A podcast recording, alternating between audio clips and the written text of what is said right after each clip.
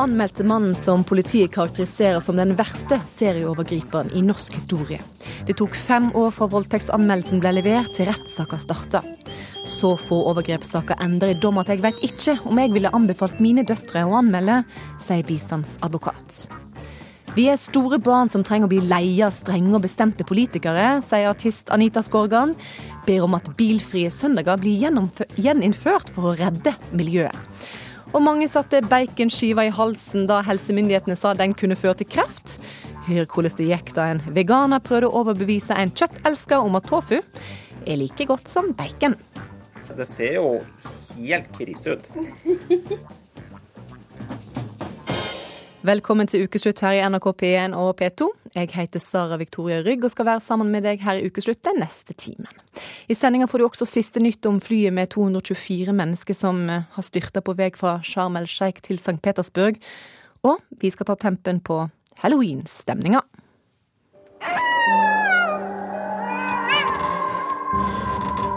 Eller hva halloween-reporter Runa Rød det skal vi så til de grader. Jeg kom akkurat inn i en hage som mildt sagt skiller seg ut i resten av nabolaget her. Eh, vi kjører altså inn under en helt gedigen edderkopp. Eh, det ryktes om at den skal begynne å lyse over masse andre små edderkopper i løpet av kvelden. Det er gresskar, det er eh, masse, masse sånn kirkegårdlignende gravsteiner her. Dette er virkelig noe som tar halloween på alvor skumle greier. Vi kommer tilbake til deg om litt, Runa. Men, eh, men først her ukeslutt så skal det handle om rettssaker mot han politiet kaller den verste serieovergriperen i norsk historie. Jeg ser ikke slik at verken media eller politi eller noen andre har skapt et eh, bilde av ham som et monster. Eh, det tenker jeg han fint har klart selv. Og det media f.eks. har skrevet om tiltalte, det er jo basert på de fornærmedes forklaringer i retten hvor de har beskrevet han som eh, svært manipulerende og slu, og også at de opplever han som meget farlig. Det sa bistandsadvokat Trine Rjukan, som bistår flere av de fornærma i saka mot eh, Julio Kopseng. Denne saka denne veka starta nok en rettssak mot mannen som politiet karakteriserer som den største serieovergriperen i norsk historie. Kopseng er dømt for å ha voldtatt elleve kvinner. Han har anka ni av disse sakene. Tirsdag eh, møtte han i retten tiltalt for ni nye tilfeller av overgrep. Til sammen er det over 30 kvinner som har anmeldt han for voldtekt. En av dem, det er deg, Charlotte Engen Steine. Du anmeldte han for voldtekt i 2009. Hva tenkte du i det du anmeldte han? Jeg var redd for at jeg på en måte hadde ødelagt eh, livet hans da, ved å gjøre noe sånt. Og, fordi han var jo en venn, og tenkte kanskje har jeg gjort noe som kan ha fått han til å tro at dette var noe jeg ønska, eller sånne ting, da. Men jeg, jeg visste jo selv at det, det, ikke stemte, da. Men samtidig så var det den derre Tenkte mye på det, i hvert fall før jeg anmeldte, da. At eh, hva er det jeg setter i gang nå, da? Tenk om han på en måte aldri har ment å egentlig skade meg Tenk om han ikke Det var meninga at han skulle gjøre meg noe vondt, da. Du hadde ikke misforstått noen ting. Det var han som hadde gjort noe mot deg. Mm. I, I tingrettsdommen fra 2013 så står det det er bevist utover enhver rimelig tvil at fornærmede under samleia gråt og gjentatte ganger ba verbalt ut, uttrykk for at hun ikke ville, og at hun forsøkte å vri seg unna. Mm. Hva tenkte du når han da ble dømt? Altså, jeg blei jo letta, da. Uh, men samtidig, man kjente kjenner jo litt på den følelsen at uh, nå har jeg sendt noen i fengsel. Men uh, det er jo ikke sånn man skal føle det. Men den, den kom allikevel, da. Det, det, har jo mye med at han var en venn, da. I, ja, i utgangspunktet var en venn, da. Men uh, venner gjør jo ikke sånn. Du prater litt om skam for det som skjedde. Hvorfor snakker man om skam i en sånn situasjon? Nei, altså, Jeg selv da, tenkte jo mye på Har jo tenkt før det skjedde meg, da, at uh, hvordan det kanskje Hvis noe sånt skulle skje, da, at uh, jeg ikke ville føle skam. At det her skulle jeg ikke skamme meg over hvis noe sånt noen gang skulle skje meg, da. Men når du kommer i uh, situasjonen selv, da, så dukker jo skammen opp, da. Du føler deg dum da, for at du dro hjem og til han, og du føler deg skamfull fordi du vil ikke at folk skal på en måte se for seg hva som har skjedd med deg. da. Du, um, ingen som ønsker å være et offer, da, og det er um, Det har liksom vært det tyngste av alt, egentlig. Nå er det sju år siden voldtekten. Hvordan påvirker dette her deg i dag? Jeg har jo hatt eh, to vanskelige år, eh, spesielt etter retts, eh, eller lagmannsretten i desember 2013. Etter lagmannsretten så gikk det ganske fort rett ned, for å være helt ærlig. Og våkna egentlig en morgen og kjente ikke igjen meg selv, egentlig. Var redd for å gå ut døra og ville ikke se mennesker og ville helst være aleine, men jeg ville helst ikke være aleine. Og jeg har følt det på kroppen. Jeg har uh, slitt i veldig. Jeg um, var jo full jobb hele veien fram til rettssaken begynte. Og under første rettssak så var jeg jo tilbake på jobb eh, dagen etter rettssaken og tenkte at ja, ja, dette, dette går bra. og at det på en måte, jeg følte vel egentlig ikke at det hadde påvirka meg så ekstremt mye. Jeg var veldig kald. Men så kommer det sakte, men sikkert opp til overflaten, da. Det, og da får du deg en skikkelig smell. Du anmeldte voldtekten, men ni av ti som opplever å bli voldtatt, de anmelder ikke den forbrytelsen. Det skrev eh, A-magasinet i mm. mai. Hvorfor tror du det er så få som anmelder en sånn forbrytelse? Man hører jo veldig mye om at veldig mye blir henlagt, da. Og at uh, det kommer jo litt den derre skammen og sånn inn nå, da. At på en måte du skammer deg nok fra før av, da. Og tanke på at kanskje ikke du skal bli trodd eller bli tatt seriøst, eh, gjør jo nok at mange kanskje vegrer seg for å anmelde. Vil folk eh, tro på deg? Vil folk eh, tro du lyver? Altså, vil du bli ledd av? Og i tillegg til den derre 'hvordan vil det være', da. Det er hardt nok fra før av, men hvordan vil det være da, når du kanskje får et brev i posten hvor det står at saken er henlagt, da. Da føler du deg jo ikke trodd. Og kanskje alle de du har fortalt det til, da også vil tvile på om du faktisk snakka sant. da. Var det derfor du venta såpass lenge med å anmelde som du gjorde? Det var vel mer det egentlig det med at jeg ville egentlig bare glemme det selv, da, og ville egentlig ikke at noen skulle vite om det. Men så begynte jeg å tenke, og tenkte at uff, jeg kan ikke sitte og egentlig vite om noe sånt. Eh, og ha opplevd det selv og ikke gjøre noe med det. For skjer det noen andre da, så vil jeg kjenne på den, for å si det sånn. Det tok fem år fra du anmeldte voldtekten til eh, rettssaka starta. Hadde du anmeldt igjen om du hadde visst at det kom til å ta så lang tid? Hmm. Ja, jeg ville nok det. Um, men det er, ja, det er eh, Det er vanskelig å svare på, egentlig. Det, det tok for mange år, for å si sånn. Det var eh, Altså For min del så har jo saken gått min vei, da. Så for meg så er det lettere å føle på det at jeg kanskje ville gjort det igjen. Men uh, der og da så angra jeg vel kanskje også litt på at jeg hadde anmeldt. Uh, for jeg følte jo ikke at ting ble tatt seriøst. Og når de da igjen bruker så mange år og så lang tid, og så angra jeg rett og slett på at uff, nesten jeg hadde utsatt meg selv for det der, da. Istedenfor å prøve å tenke ja, at jeg heller kunne glemt det på egen hånd, da. Men i dag er du glad for at du anmeldte? Ja, absolutt. Takk for at du var med i Ukeslutt, Charlotte Engen eh, Steine. Politiet tror det skjer så mange som 16 000 voldtekter og voldtektsforsøk i Norge hvert år. Det skrev A-magasinet i en artikkel i mai. 99 av 100 voldtektssaker enda uten eh, fellende dom. Advokat Arnhild Skretting, du har jobba som bistandsadvokat for flere voldtektsoffer. Er det egentlig vits i å anmelde en voldtekt når en ser på den statistikken? Det er jo et fryktelig vanskelig spørsmål. Eh, men det er jo sånn at skal voldtektsforbryterne stoppes, så må man anmelde. Men det er jo klart at vi som jobber med dette, vi er jo mange av oss som jobber med, som bistandsadvokater, vi er jo kvinner, og vi er mødre, og vi er søstre. Og vi har egne barn, og vi tenker når vi får inn disse ofrene, vi vet hvilken vei de skal gå. Og da tenker vi når vi, med den kunnskapen vi sitter inne på hva de skal gå gjennom, så tenker vi hadde vi latt våre egne gått gjennom noe sånn. Hadde jeg latt mine døtre gå gjennom den belastningen som jeg nå vet at de skal gå gjennom, og der har jeg sagt i flere sammenhenger at jeg hadde vært i tvil hva jeg hadde anbefalt mine egne døtre å gjort. Mm. Beate Brinke Sand, du er påtaleleder ved seksjonen for volds- og seksualforbrytelser i Oslo-politiet. Jeg får stille deg samme spørsmålet. Er det vits i å anmelde en, en eh, voldtekt? Ja, det er viktig å, å, anmelde en voldtekt. Det er viktig å anmelde når man blir utsatt for et seksuelt overgrep. hvis, vi kan si det sånn at hvis man ikke anmelder, så vil iallfall ingen bli dømt for dette. Men, men altså, åtte av ti voldtekter blir henlagt. Skal en da gå gjennom den ekstra belastninga det er med den tanken at det skjer sannsynligvis ingenting? Det er riktig at det er eh, mange saker som blir henlagt. Ehm, vi har tall som åtte av ti, og nå har vi vel eh, ja, sånn ca. 75% blir henlagt. Men før det skjer, så skjer det en omfattende etterforskning. Og eh, når politiet da får inn en eh, anmeldelse for voldtekt, så vil vi som utgangspunkt tro på fornærmede.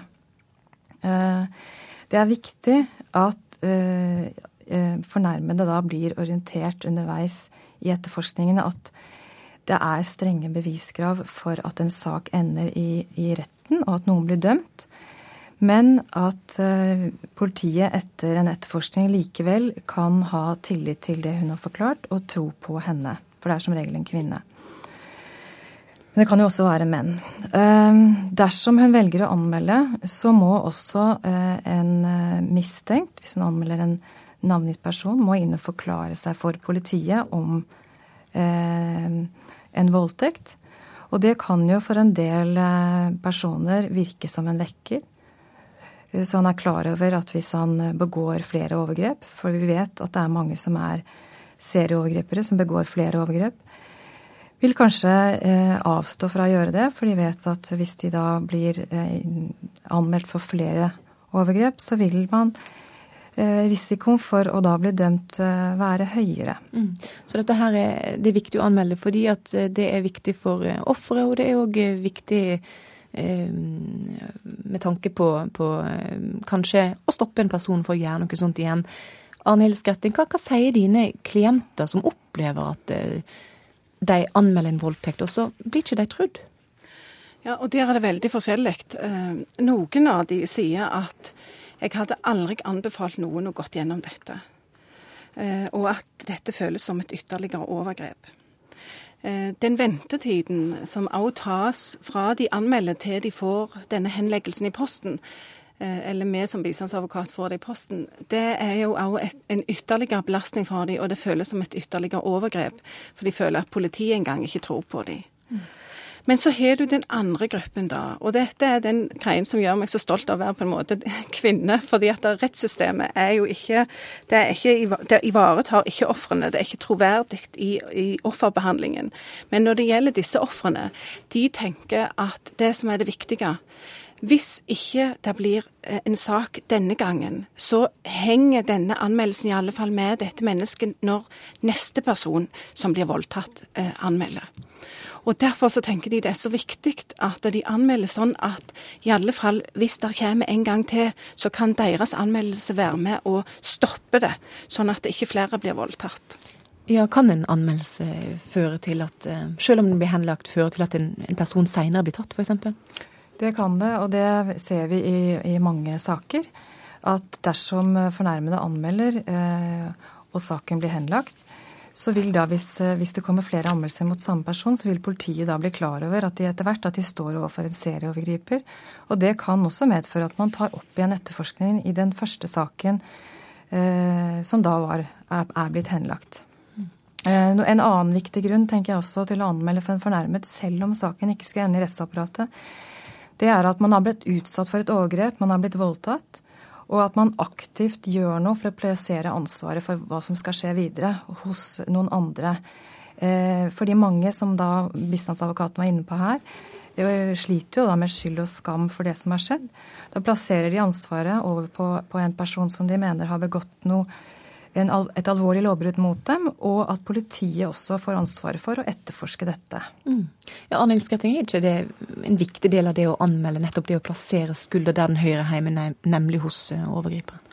Ja, Det er helt riktig at det er kjempeviktig for å plassere skyld. Og det har vi jo gjentatt alle sammen her, at det er jo det de føler. De føler denne skylden og skammen med å gå og bære dette. Problemet er jo bare at når de møter politiet, så er det ofte sånn at det første møtet er veldig bra. Eh, og de sier at de skal gi saken prioritet, de skal fylle de opp, eh, de skal stille opp, og at denne saken skal nå prioriteres, og vi skal gjøre noe med det. Men så går tiden, og så går tiden, og så går tiden. Og så blir det et suicidalforsøk i, i påvente av at politiet skal gjøre jobben. Og det er den ekstrabelastningen. Har du, altså du sier du plasserer skyld, ja du gjør det, men for offeret så føles de det som et ytterligere eh, overgrep. At det offentlige ikke tar og plasserer skylden der det høres hjemme. De tror ikke engang, Det virker jo ikke som politiet engang tror på dem, på måten de håndterer dem. Mm. Beate Bringsand, for Charlotte så tok det fem år fra hun anmeldte voldtekten til saka var oppe for retten. Hvorfor tar det så lang tid? Det fører til ekstrabelastning, hører du Skretting si. Ja. Um, fem år, det er iallfall i Oslo politidistrikt, hvor vi har et eget spesialavsnitt som jobber bare med disse sakene. Det, det tar det ikke. Og det er selvfølgelig ikke OK. Men det kan i mange saker ta veldig lang tid. Og eh, noen, noe av årsaken kan, til det kan være at uh, etterforskningen kan være kompleks og krevende hvis det er mange fornærmede og én overgriper. Eh, det er mye som skal gjøres, mange avhør som skal tas. Eh, vi har jo fått eh, også Etterforskningen er ofte Muligheten er ofte mye større i dag enn det var for noen år siden. Man skal gjennomgå databeslag, telefoner, bilder. Sånn at det er krevende å, etterforske mange av disse sakene. Og, man er også avhengig av en del av eksterne samarbeidspartnere som FHI og overgrepsmottaket, som skal levere inn sine rapporter og sine analyseresultater. Sånn at eh, det er en kjensgjerning. Det tar i mange saker lang tid. I noen saker må det være sånn. Men ikke i alle saker. Og eh, i, eh, i hvert fall i Oslo, som der jeg kommer fra, så har vi de senere årene fått en langt kortere saksbehandlingstid enn vi hadde for noen år siden. Mm. Men vi kan likevel bli bedre, og dette er noe vi er veldig klar over, som vi jobber kontinuerlig med å bli bedre på. Mm. Og jeg må bare få legge til også at uh, vi har et veldig stort fokus på hvordan vi ivaretar fornærmede i disse sakene. Vi er veldig klar over hvilken belastning det er å gå og vente på en avgjørelse. Og vi gjør det vi kan for å prøve å korte ned denne tiden så mye som mulig. Mm. Um, ja. Statistikken er dyster, Arnhild Skretting, Hilskretting. 99 av 100 voldtektssaker ender altså uten fellende dom. Dersom denne statistikken var annerledes, dersom politiet hadde brukt kortere tid, eh, hadde du da vært tryggere i din sak, sikrere på om du hadde f.eks. anbefalt dine døtre å anmelde en voldtekt? Ja, og det er helt selvsagt at altså, det prinsipielle i dette er jo helt åpenbart. Eh, voldtekter skal anmeldes. Eh, voldtektsforbrytere skal stoppes. Voldtektsforbrytere skal ikke være fritt altså De skal ikke kunne være, gå rundt i dette landet og voldta jenter. Eh, altså Kvinner er jo fritt vilt i Norge, sånn som situasjonen er per i dag. Hvis denne statistikken er riktig, så betyr jo det at det, det, man kan fritt voldta uten at det får konsekvenser. En av hundre det holder ikke mål, og det er ikke en rettsstat verdig. Men det er klart, hvis man hadde endra det, så er det jo åpenbart at man skal anmelde. Men det er jo på en måte fra den situasjonen, for man har snakket og snakket og snakket fra man fikk dette her fra ord til handling, denne NOU-en i 2008, der man skulle gjøre ting. Men man bare utreder og utreder og utreder, men man gjør ikke nye grep. Veldig kort til slutt. Ja. Jeg syns det er viktig å understreke også at 99 av 100 er jo antatte mørketall. Og eh, det er mange saker som også blir oppklart, og det er viktig å ta med seg. Eh, og jeg vil også avslutte med å oppfordre da kvinner til å anmelde voldtekt. Takk til deg, Beate Brinksand, og takk til deg, Arnhild Skretting. Ukeslutt har vært i kontakt med Kopseng sin advokat, som minner om at klienten så langt kun er rettskraftig dømt for to voldtekter. Den forrige dommen i tingretten den er anka, og det betyr at den ikke gjelder. Han skal derfor anses som uskyldig fram til lagmannsretten avsier dom i denne saken. Advokaten sier at politiet derfor ikke har grunnlag for å kalle han norgeshistoriens største serieforbryter. 'Flowers In The Window' med Travis hørte du her. Så langt er det funnet 100 døde etter at et fly på vei fra Sharm el-Sheikh til Egypt i St. Petersburg fra Sharm el-Sheikh i Egypt til St. Petersburg i Russland styrta i dag tidlig. 224 personer skal ha vært om bord. Det er blitt uh, hørt stemmer fra vraket, ifølge nyhetsbyrået Reuters. Midtøsten-korrespondent Sigurd Falkenberg Mikkelsen, hva, hva, mer vet du om det som har skjedd? Det har uh, vært da, det er redningsarbeidere på plass Eh, dette, denne styrten har skjedd i et veldig utilgjengelig fjellområde ganske midt eh, i eh, Sinai. og Det gjør kanskje redningsarbeidet noe vrient. Det har tatt litt tid før de har kommet seg til flyvraket. og så er det da slik at journalister ikke har tilgang til området. sånn at disse rapportene om stemmer fra flyvraket, det er da nyhetsbyrået Reuters som har snakket med folk Eh, sikkerhetsfolk som er i området som har hørt det. Eh, men det gir i hvert fall et ørlite håp om at det er eh, overlevende igjen. Selv om dette ser ut til å ha vært en, vært en ganske dramatisk flystyrt. Mm. Flyet styrta i Sinai-området, som, som, du sier. Er det grunn til å tro at det er blitt skutt ned? Egyptiske myndigheter var veldig tidlig og uvanlig tidlig ute med å, å avkrefte det. og Det er jo ikke så rart. Et, skulle det være skutt ned, så ville dette vært meget alvorlig for Egypt. Eh, og for turismen i eh, Sinai. Eh, men det de sier er at dette var en teknisk, teknisk feil som gjorde at det styrtet. Han som leder denne under havarikommisjonen som ble satt ned ganske raskt i dag morges, sa at piloten også hadde forsøkt å melde fra om tekniske problemer. Men vi vet ennå ikke hva som har foregått nøyaktig her. Eh, det kommer, kommer, mange motstridende meldinger, og før man får en ordentlig undersøkelse, så kan man jo ikke være sikker på hva som har foregått her. Mm. Takk for at du var med oss i Ukeslutt, Sigurd Folkemer Mikkelsen. Du følger den saken for NRK utover dagen.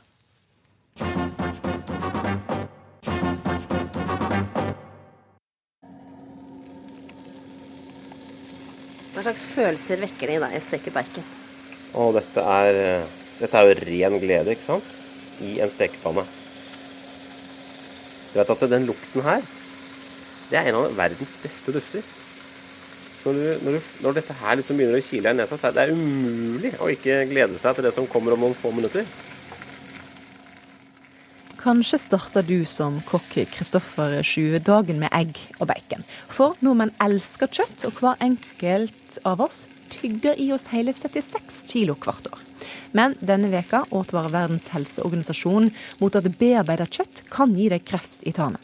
Ifølge Statens institutt for forbruksforskning så fører slike nyheter til at stadig flere av oss lar kropps- og helseangsten styre hva vi et.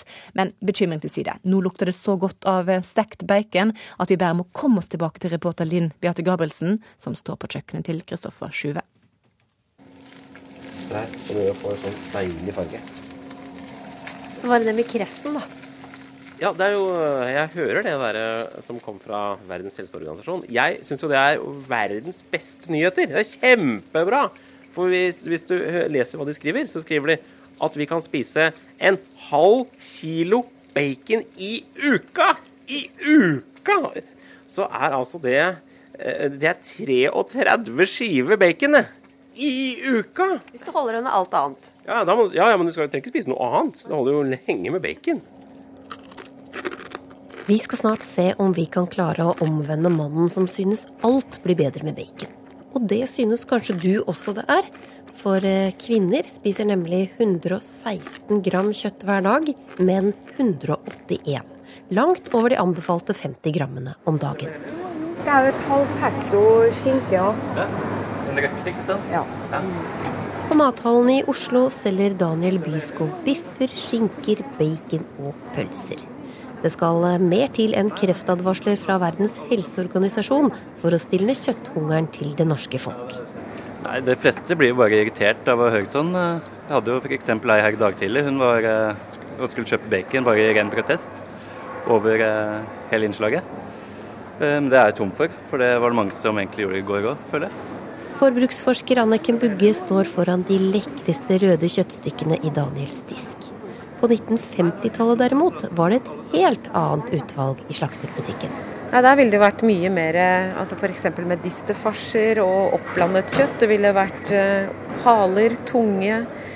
Uh, det ville vært mye mer blod og innmat. Det er heller ikke noe lever her, f.eks. Og enda lenger tilbake spiste vi nesten ikke kjøtt i det hele tatt. Eh, tradisjonelt, altså når man tenker norsk bondekost, så var det veldig sparsom bruk av kjøtt. Eh, og det lille som ble brukt, det var gjerne tørket, røkt eller saltet, og ble brukt i fest og høytider. Eh, så når man skal beskrive tradisjonell norsk bondekost, så vil man si at den er tilnærmelsesvis laktovegetariansk. Dvs. Si, eh, melkeretter til to av tre av dagens måltider. Altså grøt og velling. Hei. Er det du som er vegetarianer? Ja. Ja, for jeg, jeg kom med baconboka. Oh, yay! Så kult! Så den er til deg. Fantastisk. Jane Johansen har tatt utfordringa om å få Kristoffer Sjuve til å like vegansk egg og bacon. Du skal lage egg og bacon uten egg eh, eller bacon, egentlig? Er det det du har tenkt til? Ja, det var det som var utfordringen. Så jeg bare tenkte OK, jeg får ta utfordringen og lage kikertomelett mm. med ostebiter og baconterninger. Nei, jeg mener faken. Terning. Tofu-bacon, kan vi si. Jane driver matbloggen Veganmisjonen med oppskrifter helt uten kjøtt, fisk, egg eller melk. Hvordan syns du ser den innbydende ut? Nei, det syns jeg ikke. Det for det er jo det det er. Det er en hvit kloss. Det ser ut som en sånn øh, det- Det ser ut som en liten sånn murstein. Hvit liten murstein. Kanskje litt bløtere når du tar på den, men det, det ser jo helt krise ut. Er ikke, du er ikke Ja. uenig i det? Nei, vet du hva? Det tenkte jeg første gang jeg skulle prøve tofu òg. Herlighet, hva er det her? Liksom, det ser ut som en svamp eller noe sånt. Altså, jeg, jeg, Foreløpig så tenker jeg jeg er veldig glad jeg er på det laget som spiser bacon. Men det blir bedre, det er det du lover, ikke sant? Ja ja, det skal bli kjempegodt. Du kommer til å bli helt frelst. Ja, ja, ja. ja, ja. Flere store undersøkelser viser at vegetarianere har mindre kreftrisiko enn andre, og hele 22% redusert risiko for tarmkreft, ifølge adventistundersøkelsen. Ok, nå skal jeg blande sammen eh, smaksingrediensene, på en måte. Ja, nå bare tar jeg litt sånn på slump, men eh, soyasaus, vanlig soyasaus, og så denne liquid smoke, altså flytende røyk på flaske. Og så bare tar jeg oppi litt sånn eh, næringsgjær. Nå kan vi skru på vifta, for nå blir det litt sånn os her. Heller vi over denne eh, blandingen.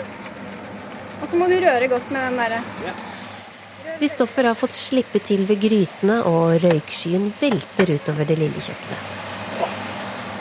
Skal du sånn, sånn bacon ganger 10 000? Ja. Her, å ja. Altså, Hvis noen kommer inn her nå, så ville de tenkt at oi, nå har hun der veggisdama konvertert. Nå er det bare bacon for alle penga. Mens vi venter på at tofunn skal bli bacon, har Anniken Bugge en liten advarsel. Eller det som våre undersøkelser viser, er at stadig flere har et anstrengt forhold til mat, og at mange av våre forbrukervalg knyttet til mat eh, er styrt av en slags kropps- og helseangst. Eh, Dette gir seg bl.a. utslag i at listen over nei-mat blir stadig lengre. Og veldig mange produkter som egentlig er helt ordinære ingredienser i et norsk kosthold, kommer plutselig på nei-matlisten. Det være seg kjøtt, meieriprodukter, brød, poteter, pasta, ris. Vi blir redde for eh, alle mulige helseeffekter av eh, ja, stadig flere produkter og ingredienser. Da. Men for meg så handler det om mye mer enn det med helseaspektet. Jeg er ikke veganer pga. helsa mi. Det med helseaspektet, at det er veldig bra å spise masse grønt og belgfrukter og alt det der, det tar jeg som en veldig stor bonus. Min hovedgrunn er vel eh, hensynet til dyra. Jane har også laget en omelett med vårløk, som ser ut som en vanlig omelett, men uten et eneste egg. Den serverer hun sammen med sprøstekt tofu, og vi benker oss rundt bordet og venter spent på dommen fra baconelskeren. Ja. Dette, tror jeg, dette er det rareste måltidet i år for, for meg, og et av de vanligste for deg. Dette er ganske vanlig søndagsfrokost hjemme hos meg. Skal jeg, kan jeg bare, skal jeg bare Mm. gyve løs? Syns du? Det var veldig mye bedre enn det var i utgangspunktet, kan jeg si. Det, em, altså, du, du lurer ikke meg, for det er ikke bacon. Nei, jeg skjønner. Du, du er jo veldig baconekspert, så Det er ikke bacon, men det, det Men er det godt? Det er ikke vondt, altså. Det er ikke vondt. Men det er ikke Og, og det er kanskje det beste du klarer å oppnå her i, dag, da. Å si at, få meg til å si at det ikke er vondt, for det er det ikke. Men det, det er lenge til vi kommer til bacon herfra, og inn. Men, men altså, men det, det er helt det er helt ålreit, altså. Du hører på Ukeslutt i NRK P1 og P2, og det må du bare fortsette å gjøre, for da får du høre at artist Anita Skorgan ber politikerne gutse på å innføre upopulære tiltak som bilfrie søndager for å redde miljøet. Og New York Times hevder at eh, nordmenn har slutta å tro på Gud. Ifølge avisa så tror vi visst mer på spøkelser. Fordi det spøker i leiligheten min. Det er eh, hun damen som bodde der før, som går igjen.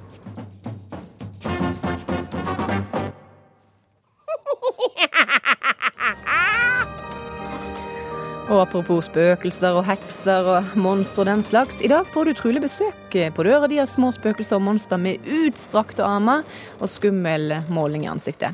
De vil ha snop, for i dag er det halloween. Reporter Runa Rød, det er ikke bare de aller minste som gleder seg til kvelden i kveld. Eh, nei, absolutt ikke. Jeg står utafor eh, huset til familien Krogenes. Og Lars eh, Klausen Krogenes, det er jo du som gjør ganske mye mer ut av eh, halloween enn det vi andre kanskje gjør. da. Her er det jo både gravstøtta i hagen, en sånn svær kirkegård egentlig. Eh, det er en gedigen, virkelig gedigen edderkopp eh, over innkjørselen, så jeg hører rykter om at det skal danse edderkopper under eh, den i kveld. Eh, hva er det som gjør at halloween får deg til å ta så av i pyntinga? Det begynte egentlig med at sønnen min, som nå er tolv uh, år, at han skulle feire sin uh, seksårsdag. Og da hadde vi halloweenbursdag. Og da er det jo sånn at noen fedre tar av etter hvert. Så det blir litt mer hvert år. Så nå, nå har det da blitt en edderkopp som er Altså bena er seks meter lange på edderkoppen. og så er det en kropp i midten der hvor man da kan kjøre bil under, for den er midt i oppkjørselen.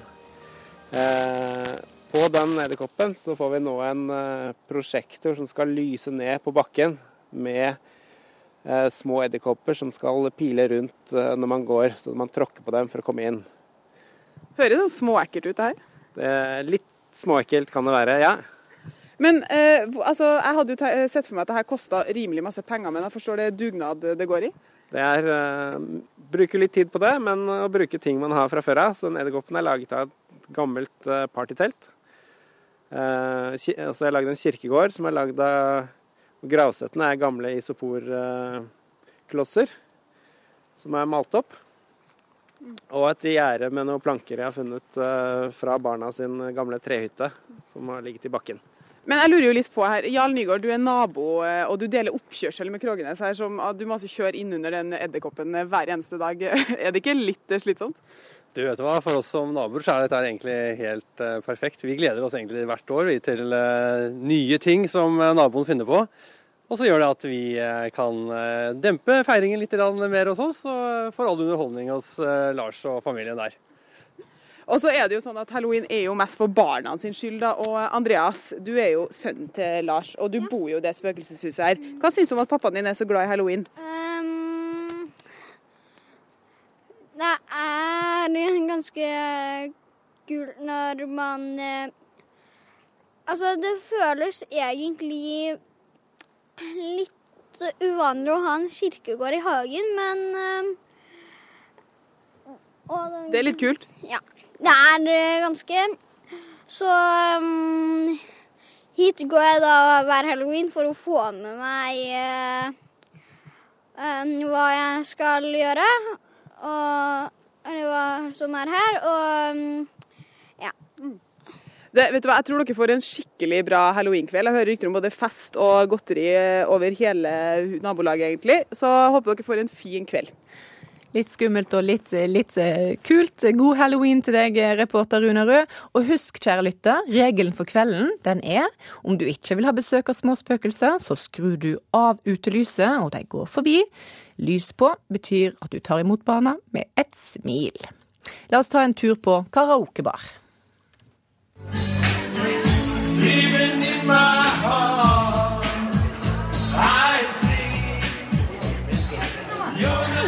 For denne veka fikk eh, arbeidsminister Robert Eriksson noe uønska oppmerksomhet etter en tur på karaokebar.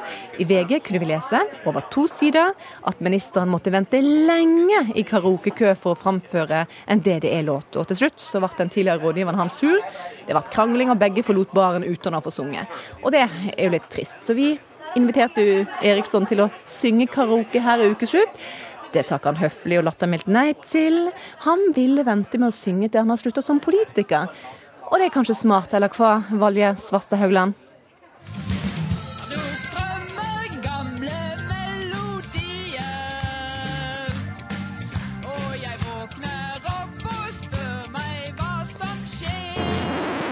Men om du lytter til oss nå, Robert Eriksson, så trenger du ikke vente et sekund lenger. Syng med til det det er.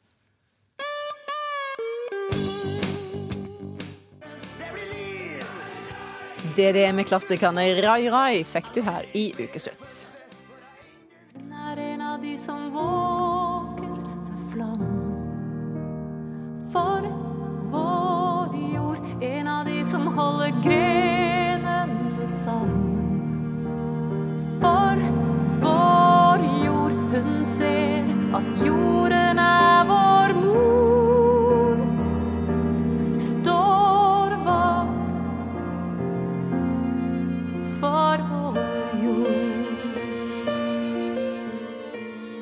Står eh, vakt for vår jord, synger du i låta For vår jord, Anita Skorgan. Låta er en ballade med et sterkt miljøpolitisk tema. Og denne veka så sto du vakt for eh, vår jord. Du kasta deg inn i miljødebatten i et innlegg i Dagbladet der du ba politikerne gjeninnføre den bilfrie søndagen. Hvorfor gjorde du det? Jeg handlet i affekt. Eh, Jeg leste en opprørende artikkel i Dagbladet om at vi kveles i storbyene av altfor dårlig luft. Den er rett og slett helsefarlig, og Norge er dømt i EU for å overskride disse grensene for hva som er eh, helsebra for oss som bor i de store byene. Og dette førte til at jeg tenkte søren òg, nå, nå må jeg bare nå må jeg gjøre et eller annet hvis, jeg, hvis, det kan, eh, hvis det kan spille noen rolle. Og mitt poeng er at eh, jeg skjønner jo at ikke vi kan innføre søn, altså bilfrie søndager over natten. Og, men, men i storbyene så er jeg helt overbevist om at hvis vi gutser på litt mer, og at politikerne nekter oss å holde på sånn som vi gjør nå, så er jeg sikker på at det i seg selv vil føre til at alle får den følelsen at nå nytter det. Politikerne må være litt strenge mot oss. Det er hele poenget mitt. De må være litt barskere og nekte oss å oppføre oss sånn som vi gjør, for vi klarer ikke dette selv. Vi er noen svære unger, og vi er utrolig sammensatte.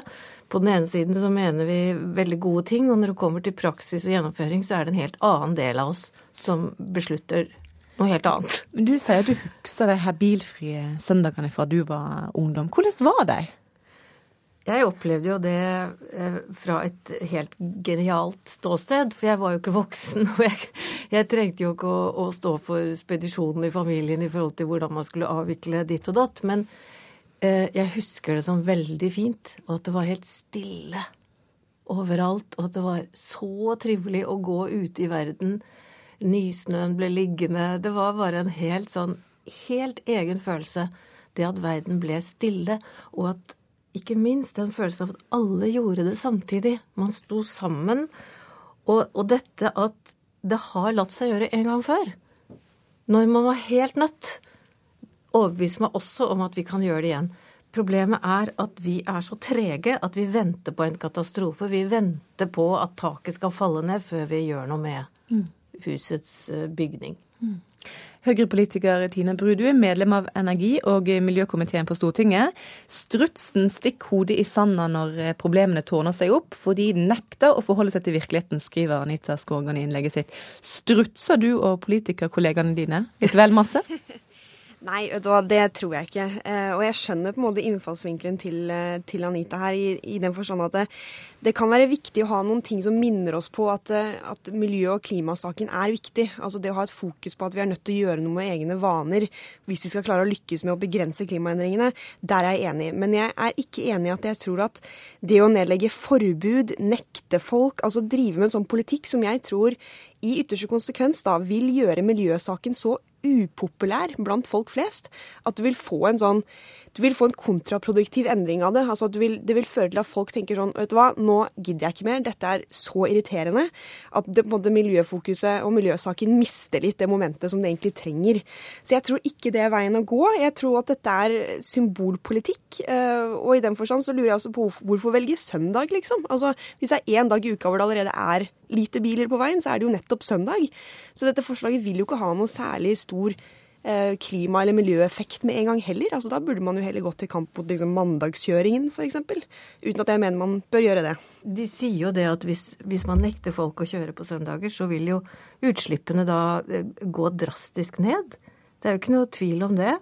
Og, og jeg mener jo det at, eh, at søndagsfri bildager Altså det er jo ikke Det er bare ett forslag. Poenget mitt er i, altså at vi må gjøre noe. Vi er nødt til å, å gjøre en forandring. Vi, vi som publikum, som allmue, vi vil bli ledet. Vi Jeg- kan ikke holde på sånn som vi gjør. Ungene våre vokser opp jeg, Hjertet mitt knuses av å se lille barnebarnet mitt bli kjørt på gaten i Oslo sentrum og bare puster inn all denne giften. Jeg er helt enig i at vi er nødt til å gjøre noe. Eh, Men nå er det jo, det viktigste er jo hva slags biler som kjører på den veien vi har. Og det skriver jo også Anita i innlegget sitt i Dagbladet, at liksom, elbiler er greit. Men heldigvis altså, begynner jo politikerne nå å lykkes med den veldig ambisiøse elbilpolitikken som vi har. Som nettopp gjør det attraktivt å velge elbil istedenfor andre biler. Og det er jo sånn man får ned utslippene. Og igjen, hvis man er opptatt av det, så er jo søndagen en sånn rar dag. Søndag er den ene dagen hvor folk måtte kanskje kjører hjem fra hytta, f.eks. Altså, de er jo ikke ute og står og stamper i kø og trafikk. Men det må Så- jo starte en plass. Og hun, Anita Skågan sier søndag, hvorfor ikke søndag eh, som en annen dag? Hun sier òg at led oss, gjør upopulære avgjørelser for å få oss til å endre oss, for vi klarer ikke det sjøl. Kan ikke du være den politikeren da som sier kom igjen nå, nå innfører vi noe som kanskje ikke er veldig populært, men vi får en bedre hverdag? Jo, men hvorfor gjøre det når det er så mange andre ting som funker så veldig mye bedre? Altså Hvis det er ett viktig prinsipp jeg er opptatt av i klima- og miljøpolitikken, da, så er det at det må lønne seg å velge miljøvennlig.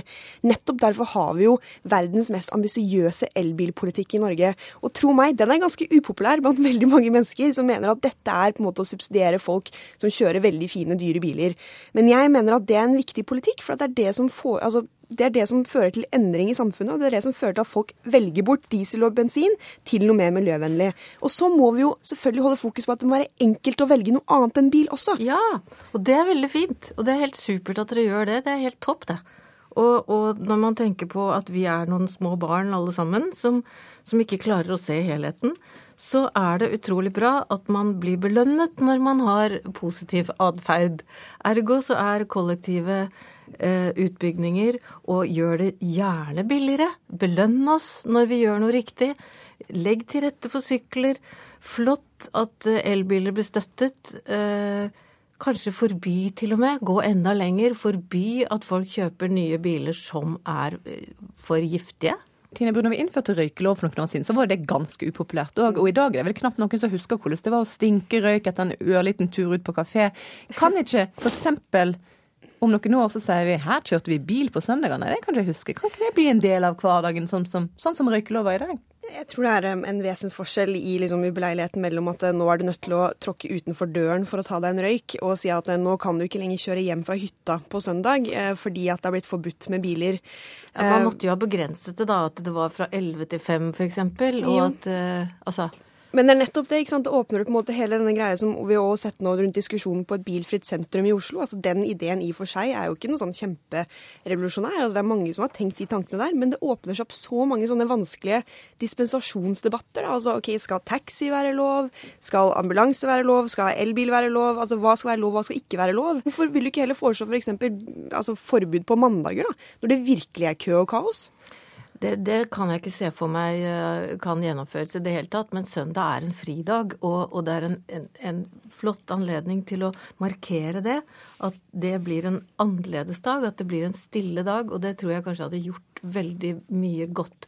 Ikke bare for den samfunnsøkonomiske og politiske og alt det der, og der, men også for sjela vår.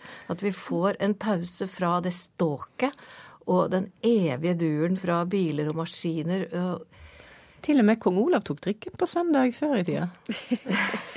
Ja, det ble godt dokumentert òg. Eh, Anita Skågan, lar du bilen stå i morgen? Altså, jeg er akkurat som alle andre. Jeg må også ledes, og det er det jeg ber så tynt om. Mitt hovedpoeng er guts på. Kjør på med dette her. Vi kan ikke fortsette som vi gjør. Og, og nå må det bare gå litt fortere. Led oss og guts på, Tina Bru. Takk for at du var med i Ukeslutt, og takk til deg, Anita Skågan.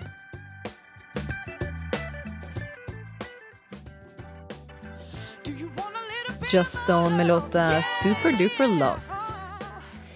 Denne veka fikk Norge oppslag i selveste New York Times. Avisa slo fast at det norske folk har forlatt kirka til fordel for spøkelser. Seertaler til TV Norge-programmet Åndenes makt overgår oppmøtet i kirka, ble det hevda i artikkelen. Reporter Kari Li veit ikke hva hun skal tro etter denne vekas oppdrag. Nå virker opptakeren igjen. Ja, det virka ikke der inne. Det er litt merkelig. Opptakeren slo seg vrang da jeg skulle ta opp lyd i en 300 år gammel spisesal. Stortorvet gjestgiveri i Oslo har fått påvist spøkelser tidligere, og jeg merker jeg blir kald på ryggen. Vanligvis når vi sjekker inn på et hotell, så aner vi fred og ingen fare. Kjenner du igjen denne stemmen? Tom Strømnes i TV Norge har i mer enn ti år brakt gjenferd inn i stuene til folk. I åndenes makt. Altså, Jeg kjenner i denne trappen opp til andre etasjen her. Det er noe spesielt. Jeg kjenner jeg får sånn trøkk på brystet. Komikere elsker å parodiere åndenes makt. Oldemor var Hun var, hun var ei dame. Ja, hun var det. Stemmer det? Ja, jeg kjenner det. Jeg kjenner det. Men ifølge New York Times har programmet med en halv million seere større oppslutning enn det Den norske kirke har. Er det blitt sånn at nordmenn heller tror på spøkelser? Ja, det gjør det. Hvorfor det? Fordi det spøker i leiligheten min.